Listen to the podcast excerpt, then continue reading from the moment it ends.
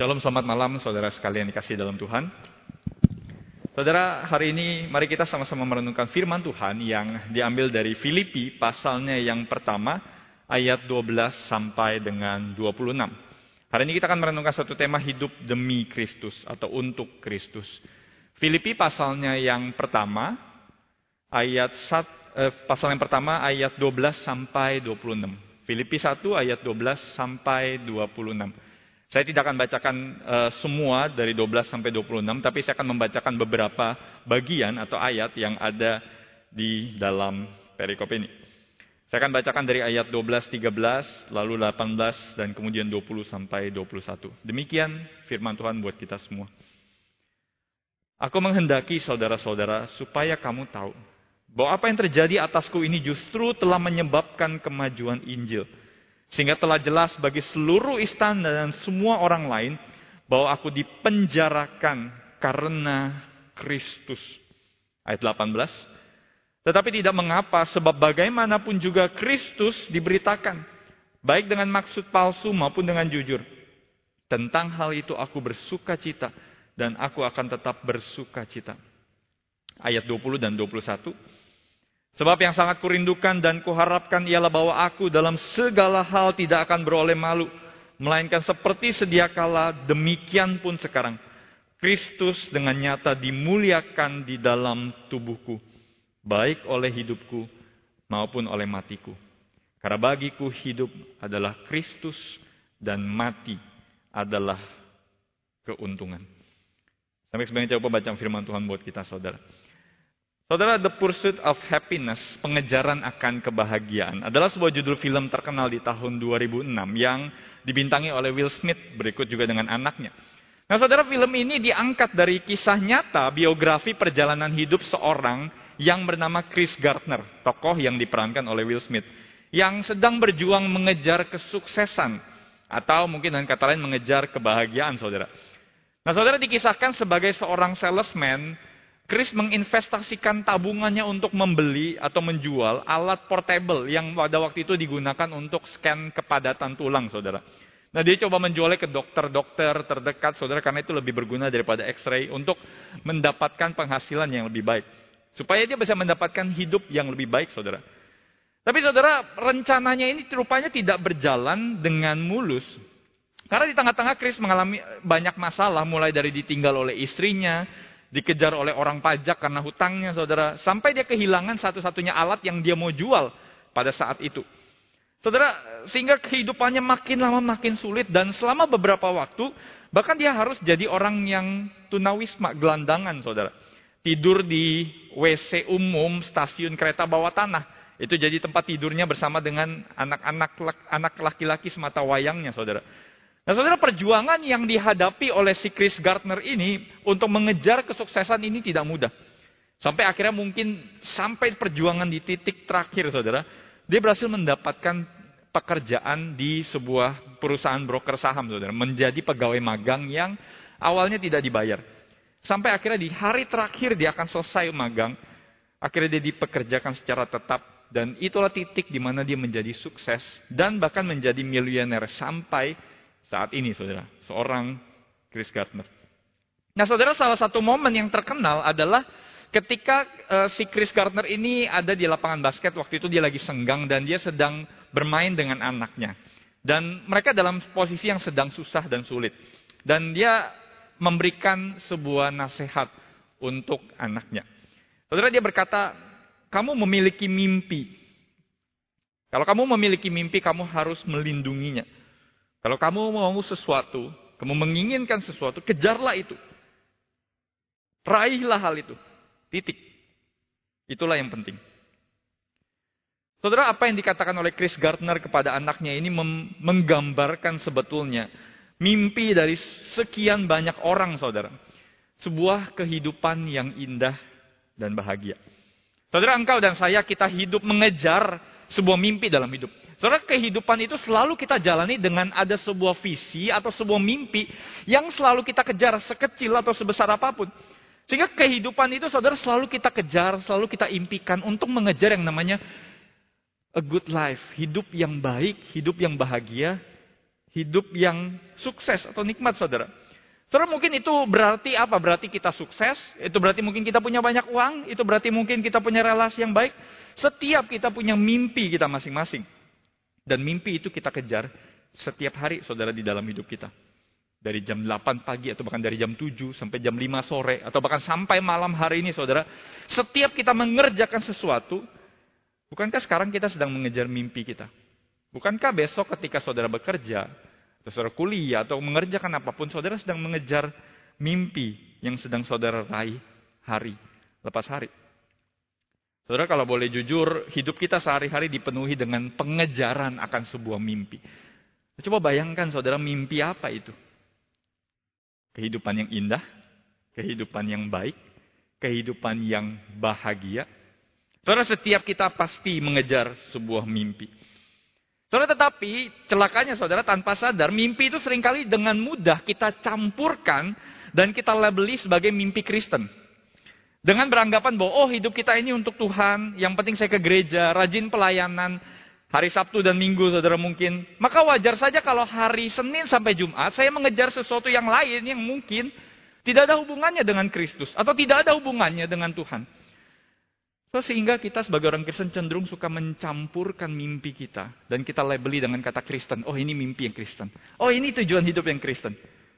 Tapi dengan catatan Tuhan tidak ganggu saya di dalam mimpi-mimpi saya yang lain. Selama saya melayani Tuhan. So kalau kita bertanya-tanya betulkah kehidupan Kristen adalah kehidupan yang demikian.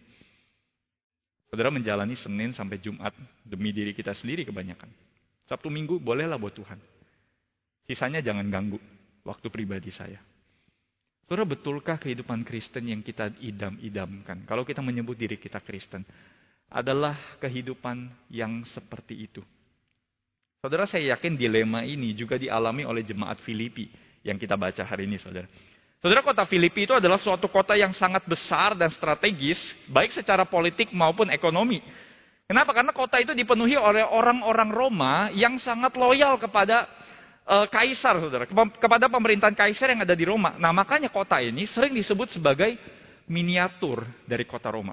Kenapa? Karena isinya adalah orang-orang yang sangat loyal, sangat cinta mati, saudara, kepada kaisar. Sehingga kota ini sangat setia sekali kepada Roma, pusat daripada pemerintahan pada saat itu. Saudara, sehingga orang-orang pada saat itu punya gaya hidup yang mirip sekali seperti orang-orang Roma pada umumnya. Mereka suka menikmati status, mereka terbiasa warga negara Roma itu punya martabat, kehormatan, punya privilege. Jadi mereka selalu mengejar status, kehormatan, kemakmuran, dan banyak hal lain, saudara. Dan itu yang menjadi mimpi orang-orang pada zaman itu di kota Filipi. Karena mereka punya mimpi seperti ibu kota mereka, yaitu Roma. Kehidupan yang seperti itu, yang sangat baik. Nah, saudara, tapi di sisi lain orang jemaat Filipi ini, mereka bukan cuma jemaat Roma, mereka bukan cuma uh, warga negara Roma atau warga negara warga kota Filipi, saudara. Mereka juga adalah warga negara kerajaan Allah, mereka sudah jadi Kristen. Nah, sehingga saudara mereka hidup dalam sebuah dilema dan tarik-tarikan antara dua dunia dan dua mimpi, saudara. Yaitu mimpi Roma di mana mereka ngejar martabat, mereka ngejar status, mereka ngejar karir yang tinggi, kekayaan, kemakmuran yang diimpikan orang pada saat itu. Tapi di sisi yang lain mereka sekarang sudah jadi orang Kristen. Sehingga mereka punya mimpi yang kayaknya agak berbeda dengan cara dunia bekerja pada saat itu. Yaitu mimpi Injil yang dipenuhi oleh kasih, kesetiaan, dan Injil Yesus Kristus yang sekarang mereka pegang. Saudara, sehingga jemaat Filipi itu agak tarik-tarikan antara dua mimpi kehidupan mereka. Gimana seharusnya saya hidup? Nah saudara, itu yang mereka tanyakan sebetulnya di dalam surat Filipi. Dan itu yang jadi concern Paulus. Bagaimana engkau dan saya, mungkin ini menjadi pertanyaan kita juga. Di tengah hidup kita yang punya mimpi, kita yang tinggal di ibu kota dan lain sebagainya. Bagaimana kita menghidupi mimpi? Hari ini kita berbicara soal hidup untuk Kristus. Nah saudara pada waktu itu mereka sangat bergantung sama Paulus. Kenapa? Mereka relasinya sangat dekat dengan Rasul Paulus. Rasul Paulus mendirikan gereja di sana saudara. Jadi apa-apa saudara mereka diarahin oleh Rasul Paulus. Mereka dinasehati, dicari, apa diberikan petunjuk bagaimana mereka hidup sebagai orang Kristen. Sehingga saudara hidup mereka sekarang itu ada di bawah tekanan pada waktu itu. Banyak orang menyembah dewa, menyembah kaisar pada saat itu. Tapi saya jadi, orang Kristen. Sehingga mereka jadi orang aneh saudara di tengah masyarakat. Mereka suka ditekan oleh orang-orang sekitar karena kalau mereka mau berdagang, mungkin kebiasaan mereka nggak sama lagi dengan cara yang lama. Jadi mereka galau sekali saudara. Tapi yang bikin mereka makin bingung adalah Paulus tidak lagi bersama dengan mereka saudara. Jadi surat Filipi ini Paulus sudah tidak lagi bersama dengan mereka. Kenapa? Karena Paulus sedang ada di dalam penjara saudara. Kondisinya bahkan tidak baik-baik saja. Jadi jemaat Filipi ini saudara udah bingung cara hidup, udah bingung minta petunjuk Paulus. Mereka juga khawatir, kenapa? Karena Paulus lagi ada di dalam penjara. Jadi kabarnya Paulus kayaknya lagi nggak baik-baik saja. Jadi mereka sangat-sangat khawatir karena mereka dekat dengan Paulus. Gimana nanti kalau nggak ada Paulus? Gimana nanti kalau nggak ada Rasul yang memberikan petunjuk bagi kita kalau gimana caranya kita hidup, saudara? Dan mereka tahu kalau sudah ditawan dan ditahan tinggal tunggu hukuman mati. Dan mereka mungkin bertanya-tanya, saudara, meragukan iman mereka. Oh gini tuh jadi orang Kristen. Kok Rasul kita aja nih, yang kita idam-idamkan, itu malah hidupnya makin gak enak sejak jadi orang Kristen. Kok malah sulit, saudara? Saya yakin iman orang Filipi waktu itu menjadi agak gentar dan ciut, saudara. Nah sehingga saudara di Filipi 1 terutama saudara, Paulus ingin memberikan kekuatan dan penguatan bagi jemaat Filipi. Dan saya rasa bagi setiap kita. Bagaimana kita hidup, menghidupi mimpi Tuhan, hidup demi Kristus di tengah-tengah dunia. Paulus, saudara, tidak pakai banyak apa ya, doktrin, tidak pakai banyak pengajaran. Paulus berikan contoh dari hidupnya, saudara. Bagaimana dia hidup demi Kristus. Dan bagaimana seharusnya engkau dan saya hidup demi Kristus. Saudara, mari kita lihat bagian ini, saudara. So, kalau boleh saya bisa merangkumkan, saudara, malam hari ini, Bagaimana kita hidup demi Kristus? Saya berpikir saudara dan saya merasa ada satu jawabannya. Prinsip Paulus sederhana saudara. Kalau engkau dan saya mau merenungkan gimana kita hidup demi Kristus dan untuk Kristus, maka simpel saudara, saya yakin simpel.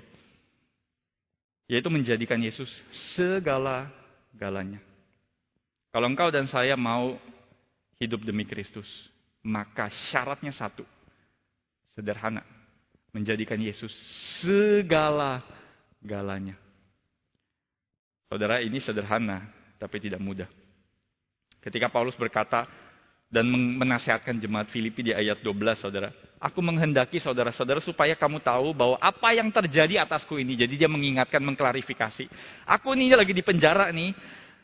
Itu nggak masalah. Kenapa? Karena itu sudah menyebabkan kemajuan Injil. Karena setiap orang di sini tahu aku dipenjarakan karena Kristus. Jadi saudara Paulus seakan-akan ingin bilang kepada jemaat Filipi gini, kamu gak usah khawatir aku sedang di penjara. Kamu gak usah khawatir hidupku menderita. Kenapa? Karena ketika aku menderita sekarang ini, nama Kristus semakin dipermuliakan. Nama Kristus semakin diberitakan saudara. Saudara kalau engkau dan saya jadi Paulus yang ada di dalam penjara bawah tanah, mungkin sambil diikat saudara di rantai. Bukankah wajar kalau kita mementingkan keselamatan kita sendiri, saudara? Saudara, saya yakin Paulus punya alasan yang cukup kuat untuk mementingkan kondisinya sendiri. Jemaat Filipi aja khawatir, apalagi harusnya dia, saudara. Betul nggak? Saudara, Paulus tidak punya asuransi kesehatan pada saat itu, saudara. Tidak punya asuransi jiwa, tidak punya BPJS, saudara.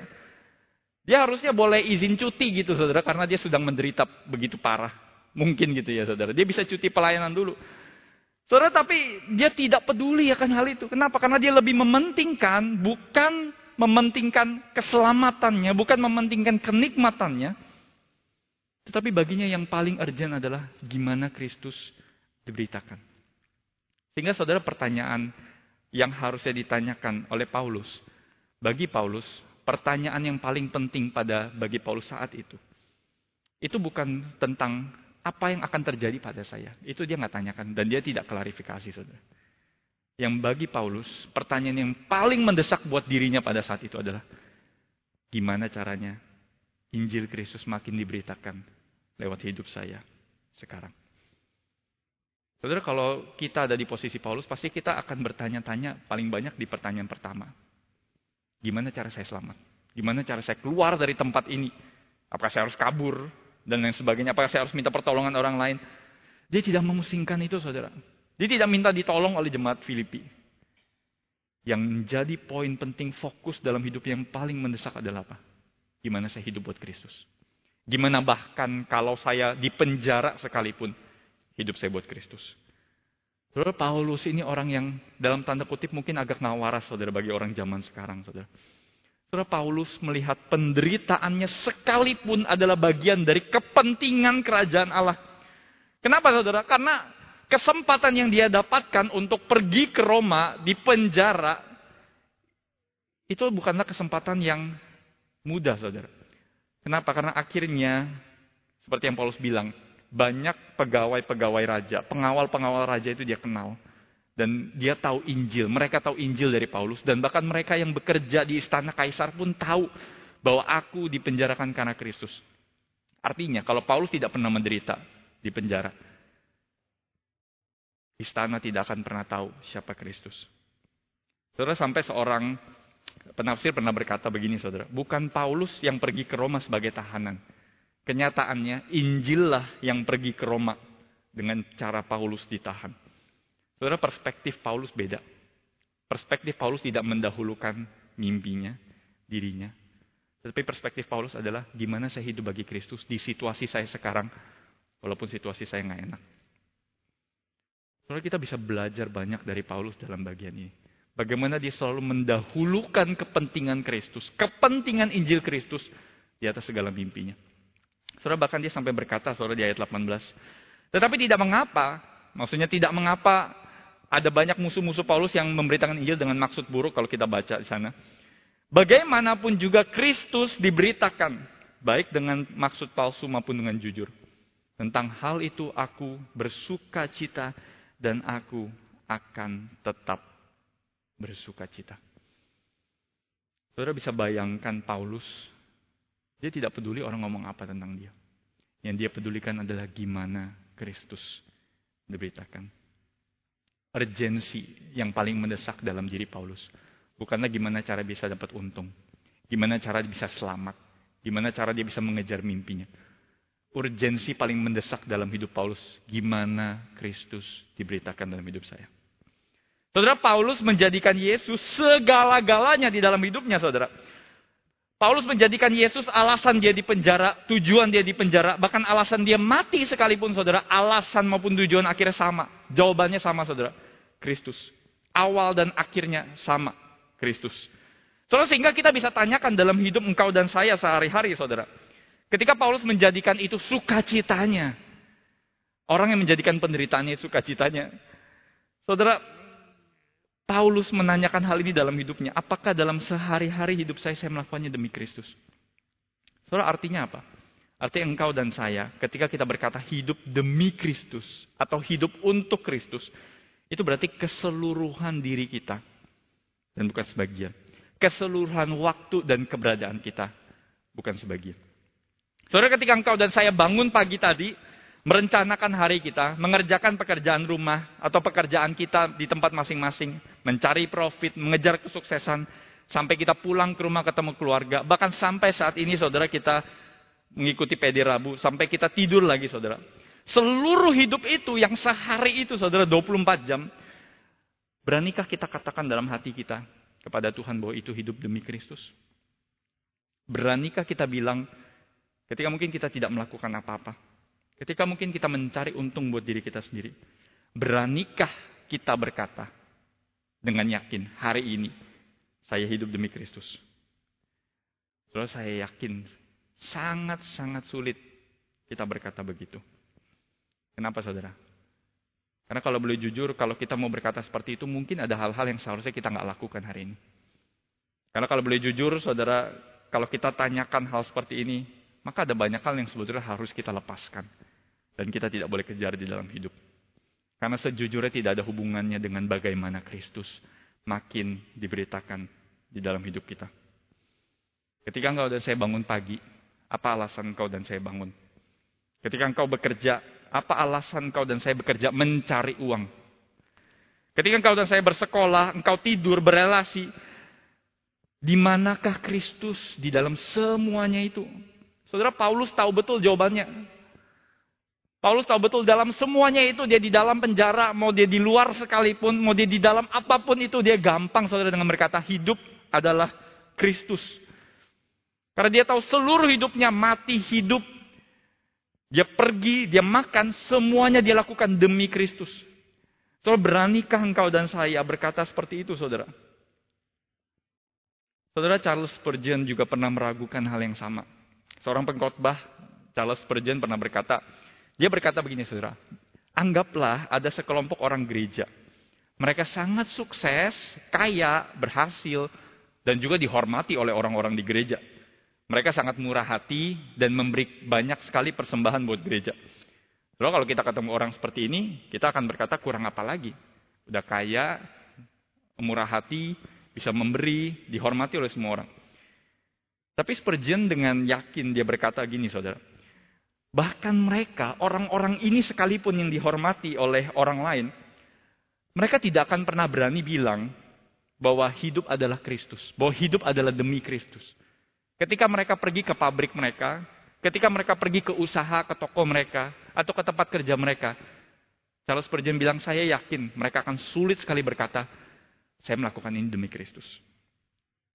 Soalnya Charles Spurgeon meragukan, karena ada banyak sekali orang Kristen melakukan banyak buat Tuhan. Tapi di dalam hidupnya tidak memberikan segala-galanya. Saudara, sulit sekali hidup buat Kristus bukan? Kalau seperti ini saudara. Sulit sekali. Saudara, engkau dan saya sedang mengejar sebuah mimpi. Dan kalau engkau dan saya diminta membayangkan sekarang mimpi itu. Yang sekarang sedang saudara kejar setiap hari ketika saudara bangun. Siap kerja, siap ke toko, siap usaha, siap mengerjakan pekerjaan itu. Mimpi apa yang sedang engkau dan saya bangun? Kalau kita boleh jujur di hadapan Tuhan, ada banyak sekali mimpi yang bahkan tidak ada hubungannya dengan Injil Kristus. Saudara, apa mimpi terbesar engkau dan saya saat ini? Apa mimpi yang sedang kau kejar? Saudara, suatu ketika saya mendengar seorang rekan eh, teman saya, saudara berkata, eh, dan dia sering berkatakan ini kepada orang lain, bahwa kita harus mengejar financial freedom before 30. Kemerdekaan finansial sebelum 30 tahun. Kita harus mengejar yang namanya passive income, saudara, sampai sehingga kita nggak perlu kerja lagi. Sehingga kita bisa pensiun dini, saudara katanya. Sehingga kita bisa menikmati setiap hasil jerih lelah kita setelah 30 tahun bahkan kita bisa ongkang-ongkang kaki pun kita dapat duit saudara. Saudara, tentu hal ini tidak salah. Ada banyak anak muda yang sekarang bahkan mengejar hal seperti itu dalam hidupnya. Saya tidak berkata ini salah. Tapi saya ingin bertanya-tanya saudara. Sungguhkah ketika kita bisa berkata financial freedom, kemerdekaan finansial, Sungguhkah Kristus semakin diberitakan dengan apa yang kita kejar itu, saudara? Saya yakin orang yang mengejar itu akan mengejar semati-matinya dengan ambisi hidupnya. Tapi saya juga ingin bertanya, apakah kita bisa dengan berani berkata, itu saya lakukan demi Kristus? Beranikah kita berkata, saudara, semua energi, visi itu yang saya dapatkan, saya lakukan buat Kristus? Atau seharusnya itu semua bisa kita lakukan dengan cara yang berbeda karena kita tahu ini tidak membawa apa-apa bagi Kristus. Saudara, akhirnya saya mendapati banyak orang hidup dalam ilusi bahwa mereka bisa hidup bagi diri sendiri dan hidup bagi Kristus di saat yang bersamaan. Banyak orang merasa bisa memberikan persembahan dengan catatan Tuhan tidak mengganggu usaha mereka. Banyak orang bisa melayani Tuhan dengan catatan Tuhan tidak mengganggu mimpi mereka. Soalnya sayangnya kalau kita baca Alkitab tidak pernah ada yang seperti itu. Tidak pernah ada orang bisa hidup bagi diri sendiri dan hidup bagi Kristus di saat yang bersamaan. Tidak pernah ada, saudara. Saudara, telinga kita lebih suka mendengar bahwa orang Kristen itu menjadi orang Kristen itu membuat hidup lebih bahagia, nyaman, dan penuh berkat. Engkau dan saya pasti akan telan mentah-mentah firman Tuhan yang berkata, Tuhan mengasihimu. Tuhan pasti akan memberkatimu, Tuhan tidak pernah meninggalkanmu. Pasti kita akan telan itu mentah-mentah saudara, karena kita tahu itu baik buat kita. Kita pasti akan langsung amin secara instan. Tapi kalau ada ayat yang berkata tinggalkan hartamu, pikul salib, ikut Yesus, bayar harga. Kita cari alasan untuk mikir panjang dulu, ini artinya ayatnya apa ya bagi saya? Terus sering kali kita sendiri yang memutar balikan Alkitab demi kepentingan kita sendiri. Ketika Yesus sangat jelas ketika kita ikut dia, kita ikut atau tidak sama sekali. Kita lebih suka memutar balikan hal yang sangat jelas di dalam Alkitab. Karena kita tidak nyaman dengan hal itu. Maka saudara malam hari ini saya ingin menantang engkau dan saya. Kalau kita bahkan sudah sering mendengar hidup kita untuk Kristus. Betulkah itu engkau dan saya lakukan setiap hari demi Kristus? Saudara bahkan termasuk saya sebagai hamba Tuhan saudara. Sejujurnya sering kali betapa kita sering menjadi orang yang munafik saudara. Betapa munafiknya kita menjadi orang Kristen yang mengaku percaya kepada Injil. Bahkan pernah memberitakan Injil. Tapi tidak mau hidup demi Injil. Betapa munafiknya kita jadi orang Kristen yang mengaku percaya sama Injil Kristus. Bahkan pernah memberitakan Injil. Tapi tidak pernah mau hidup demi Injil. Terus saya ingin kita berandai. Andaikan. Andaikan Kristus lebih diberitakan semakin dinyatakan dalam hidup kita. Dengan kita mengambil pekerjaan yang mungkin lebih sedikit gajinya daripada yang sekarang kita miliki. Mau nggak kita? Kalau Kristus lebih diberitakan dengan kita mundur misalnya dari perusahaan kita dan melayani penuh waktu menjadi hamba Tuhan, maukah kita? Kalau misalnya Kristus lebih diberitakan dengan kita merelakan semua harta kita demi Tuhan, maukah kita? Soalnya saya tidak berkata ini hal yang mudah, tidak. Saya yakin ini pergumulan seumur hidup bahkan termasuk saya sebagai hamba Tuhan, saudara. Setiap hari adalah perjuangan kita hidup demi Kristus. Dan sulit sekali kita lakukan. Tapi saya menantang setiap kita bertanya, apakah engkau dan saya berani hidup demi Kristus? Kalau memang engkau dan saya mengaku sebagai orang-orang Kristen. Setelah saya sangat suka perkataan dari seorang bernama Siti Stat, seorang misionaris, saudara. Yang jadi pionir misionaris ke China, India, Afrika, saudara. Dan menjelang akhir hidupnya, saudara. Dia berasal dari keluarga yang kaya. Dan ketika di akhir hidupnya, saudara, menjelang akhir hidupnya, dia merenungkan setiap kejadian di mana Tuhan memanggilnya untuk hidup buat Tuhan. Saudara, dia berkata begini. My only joys. Sukacitaku adalah ketika Tuhan memberikan aku pekerjaan untuk kulakukan. Aku tidak menolaknya. Itu satu hal yang tidak pernah aku sesali. Dan satu perkataan yang terkenal kalimatnya adalah saudara, only one life, hanya satu hidup akan segera berlalu. Tetapi apa yang dikerjakan untuk Kristuslah yang akan kekal bertahan. Saudara, apakah engkau dan saya menjawab panggilan Tuhan sebagai sukacita terbesar kita? Hidup buat Tuhan. Apakah engkau dan saya rela mengerjakan sesuatu buat Tuhan di dalam hidup kita yang sementara ini? Saudara, ketika Paulus berkata, "Aku dipenjarakan demi Kristus, karena Kristus." Paulus itu suka memakai bahasa karena Kristus atau di dalam Kristus. Untuk menggambarkan saudara bahwa orang yang tahu betul hidupnya di dalam Kristus. Itu tidak akan pernah bertanya lagi apakah saya harus hidup untuk Kristus. Paulus suka memakai dua kata ini berbarengan saudara dan berganti-gantian. Karena Kristus, demi Kristus, dan di dalam Kristus. In Christ dan for Christ. Bagi Paulus dua hal ini tidak pernah berbeda.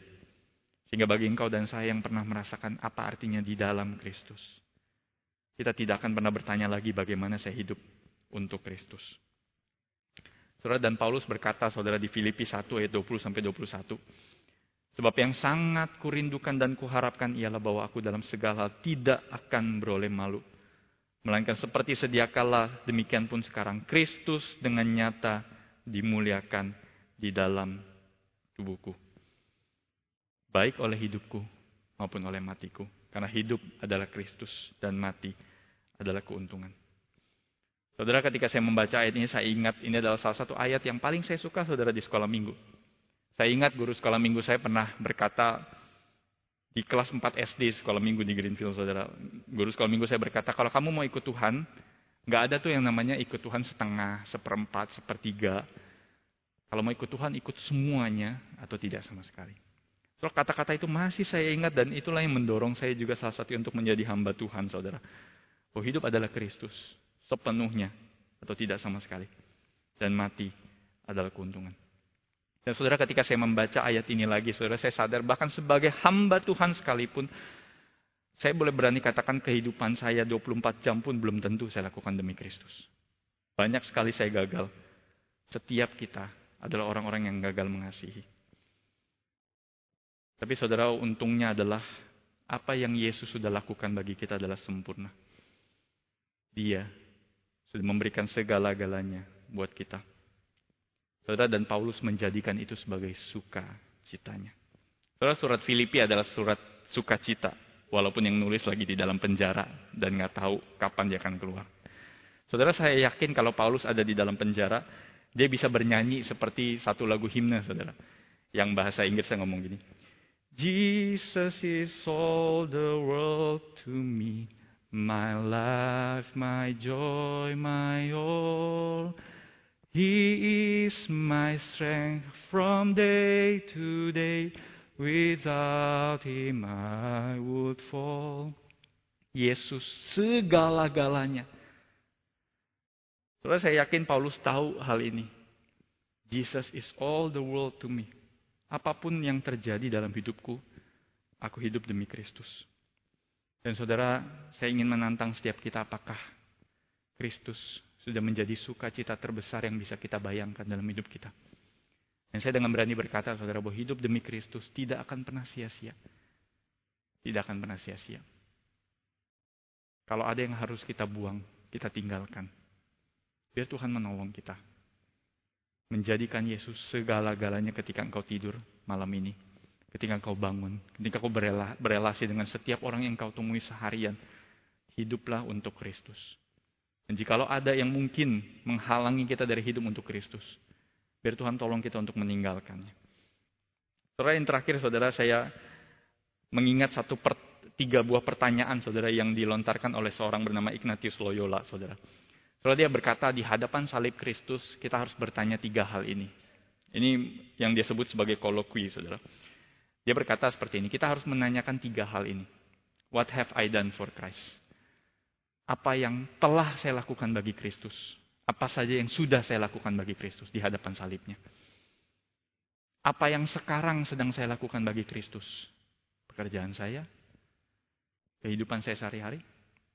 Dan apa yang seharusnya saya lakukan bagi Kristus di masa yang akan datang. Kalau ketika kita bertanya ketiga hal ini, kita akan bertanya, saya sudah ngerjain apa ya buat Tuhan? Kalau gitu, saya sekarang sedang ngerjain apa ya buat Tuhan? Kalau gitu, nanti besok saya harusnya buat Tuhan apa? So, ketika kita bertanya hal seperti ini, kita akan bertanya terus, memeriksa hati kita. Biar Tuhan yang menolong kita. Kalau dia sudah memberikan segala-galanya, maka kita wajib memberikan segala-galanya. Biar Tuhan menolong kita. Mari kita berdoa, saudara.